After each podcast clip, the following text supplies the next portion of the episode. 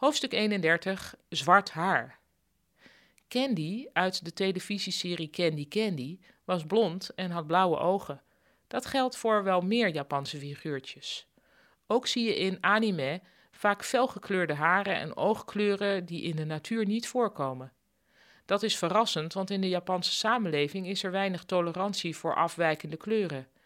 In 2018 spannen de ouders van een middelbare scholier een rechtszaak aan tegen haar school.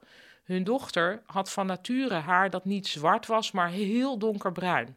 De school verplichtte de leerling om haar haar zwart te verven, want Japanse haren zijn zwart.